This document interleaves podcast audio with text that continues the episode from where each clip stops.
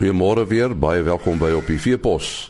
Ons praat vanoggend oor die Boran Veldbul Klub en dan ook oor 'n uh, skema van Stambok Suid-Afrika wat uh, gaan hopelik meebring dat meer boere aan die melkaantekeningsskema deelneem. Ek uh, praat nou met Zippo Lamprecht van die Bloodline Veldbul Klub en uh, is veral Boran Veldbulle. Uh, Zippo, wat presies is 'n veldbul? Okay, is of veldbulle is is bulle wat op die minimum standaarde van uh, veldbul en ram SA voldoen. Nou dit dit word onder 'n toets gedoen wat ons noem die veldbul toets. Uh die, die bulle word op natuurlike veld op uh so op ekstensiewe toestande uh getoets vir sekere eienskappe.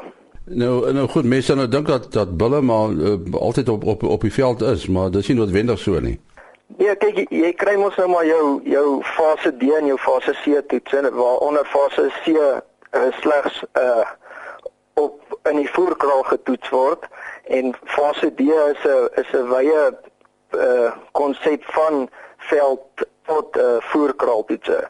So wat ons doen is ons ons doen slegs 'n uh, op die veld toetse wat op 'n klipharde area ook gedoen word en dan die bulle wat wat dan basies soos ek sê onder die uh, minimum of op die minimum standaarde voldoen kry dan die SA veldbul brand wat dan vir jou uh, bewys dat die bul wel 'n veldbul is en sal goed aanpas in in enige omstandighede. Uh, so jy sê 'n veldbul uh, so so resultate uh, dra meer gewig as ander uh, ander soort bulle. Kyk, dit hang af nou maar in in watse tipe boerdery opsit die koper van die bul sal wees. Jy weet, uh, uh die ek wil in in in 'n situasie soos wat wat ek sit met my boerdery waar ek geen uh, byvoedings doen of so nie, is is is 'n veldbul van my optimaal belangrik, jy weet. Maar eh, dit so ek sê dit dit gaan nou maar van van hoe jou omstandighede op jou plaas is. So jy is nou veral betrokke by die Boran veldbulle. Vertel ons 'n bietjie oor die ras, uh hoe, hoeveel bulle het jy? Kyk, die die die Boran self is is 'n redelike as mens kan sê 'n uh, nuwe ras in in Suid-Afrika. Uh ons het hulle begin invoer um, van van Kenia en Zambië waar ons hulle gesien het daarso is jy weet dit is harde harde vel daarso en en die die ouens boer hard met hulle en dit dis is dit 'n ideale uh, wees vir vir veld om of ekstensiewe omstandighede. So toe ons het hulle deur middel van embrio's uh van Kenia en Zambia af uh, ingebring Suid-Afrika toe. En en en van die die genootskap het al uh, al seker omtrent so 10 jaar terug uh, begin. En ek dink ons doen goed uh, met die boeraan beeste in Suid-Afrika.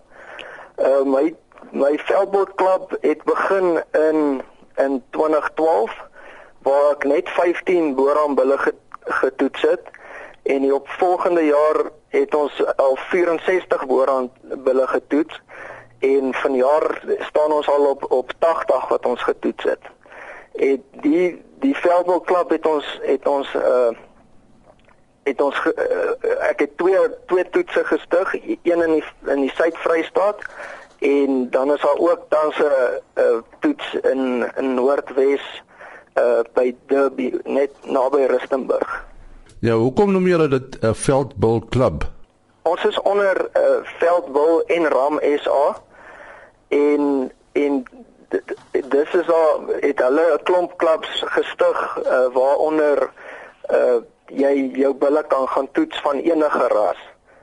Daar's ons op tans 'n baie groot toets in by Vrede ook in die Oos-Vrystaat. Zippo, wat wat is die visie van julle klub? Deur middel van sinvolle toetsing onder die beskerming van veldbul en ram SA wil ons soveel as moontlik veld aangepaste booraan as ook ander bulle te identifiseer en aan die bedryf beskikbaar te stel. Ja, dit was dan uh, Zippo Lamprecht wat gesels het oor die veldbulklubs. Ons uh, gesels nou met Bobby van der Westhuizen en uh, ons praat met hom oor 'n interessante rubriek wat in Veeplaas verskyn, Room van die Room.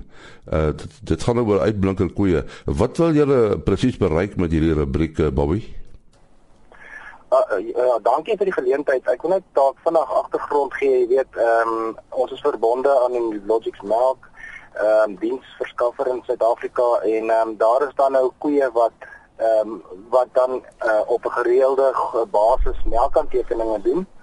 Ehm um, en dan soos jy weet elke maand sluit dan nou ons laktasies af. Nou ons doel agter die ding is om bietjie erkenning te gee aan die aan die, aan veral die die uh, die produsente wat uit wat wat uh, baie ure in hulle in hulle melkerye insit, maar ook koeie en uh, en bulle wat se dogters goed presteer. So ons wil hierdie hierdie uitblinker kan ons sê ehm um, maar bietjie erkenning gee uh, en en hulle in in in die in die in die in die pers uh uh, uh blootstelling gee. Nou op grond van wat moet hulle uitblink? Ons kyk op hierdie stadium kyk ons maar net na melkproduksies. Jy weet ehm um, Suid-Afrika die melkprysstrukture is maar hoofsaaklik geskool op melkproduksies. So ons kyk hoofsaaklik op melkproduksies en dan kyk ons watter koeie wat in daai spesifieke maand se laktasie opgehou het.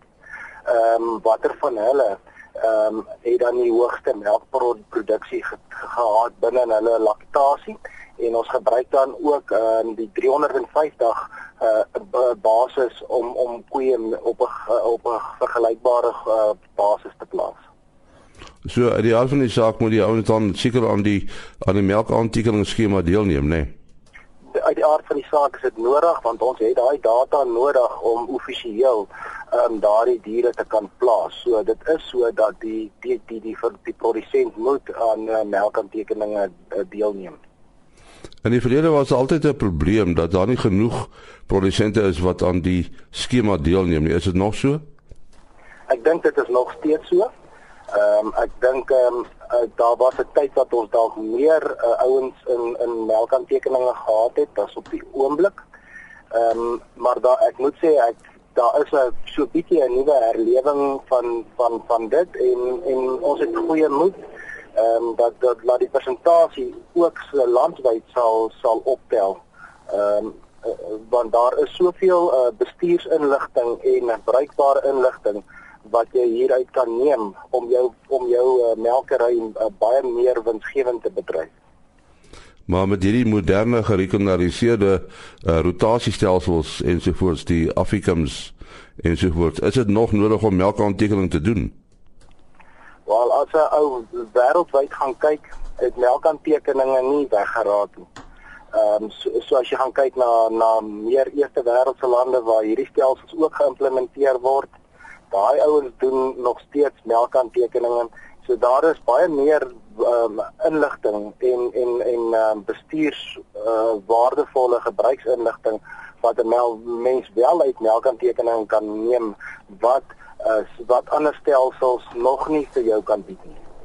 Met ander woorde die die die melkaantekening word eintlik al klaar deur die rekenaar gedoen. Die inligting moet net deurgestuur word dis korrek en as ons kyk ook na die pros, prosesse wat in melkaantekeninge gebruik word en die akkreditasie wat elke stap deurgaan om die die ehm um, die akkuraatheid van elke monster uh analise aan betref is enorm.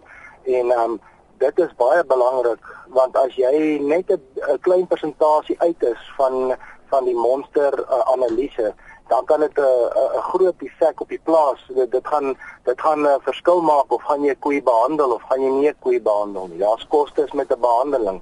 So as daai monster wat jy neem, as daai somatiese seltelling of die proteïene of bottervet analise nie met hoë akkuraatheid bepaal kan word nie, dan dan het jy egter dan kan jy dalk groter probleme of finansiële verliese ly as as wat jy net seker gemaak het dat daai kwaliteitsbeheer op die analise van daai monster ehm um, baie akkuraat gedoen word. En van ons kant af van ons uit om te verseker dat die laboratoria wat hierdie analise doen aan die hoogste standaarde moet voldoen. Eh uh, die die melkverwerkers stel hulle belang in boere wat melkaantekening doen of nie aan doen, uh, doen nie. dit is maar uit uiteenlopende uh, gevoel daar is uh, melk melkkopers wat wel sterk uh, vir vir dit steun en dan is daar ander melkkopers wat nie wat wat nie so groot ehm um, ag op dit slaan op die op die oomblik nie. Hoekom is daar 'n soort van 'n traagheid by boere om deel te neem aan die skema? Gaan dit oor die logistiek? Ek dink dit gaan maar oor die ehm um, oor oor dit is dit is 'n maar 'n werksintensiewe proses. Ek meen jy moet 'n 'n botteltjie neem van elke individuele koei, met ander woorde 'n monstertjie op op op op op 'n spesifieke dag. En en ek dink dit dit vat maar meer bestuur die, die ou moet daar's meer bestuursaspekte daarom en en en arbeid ehm um, wat dit dan betref om daai monstertjies fisies te neem. Ehm um, uh, uh, in die buiteland is daar baie belande waar hulle hierdie uh, uitkontrakteer. En dan kom 'n tegnikus fisies uit na jou plaas toe en hy sal dan die die monstertjie neem en die, die melkgewigte opneem en dan sommer alle ander data op die plaas versamel wat dan meer bruikbaar geïnkorporeer ge word binne in die monsteranalise. Hoekom uh, word hierdie stelsel nog nie in Suid-Afrika toegepas nie, die met die kontrakteurs? Ons is ons ons probeer dit uh, doen. Ons is in die oomblik uh, weer besig om om om om meters en um, en en uh, samplers en so aan aan te skaf vir daai doeleindes.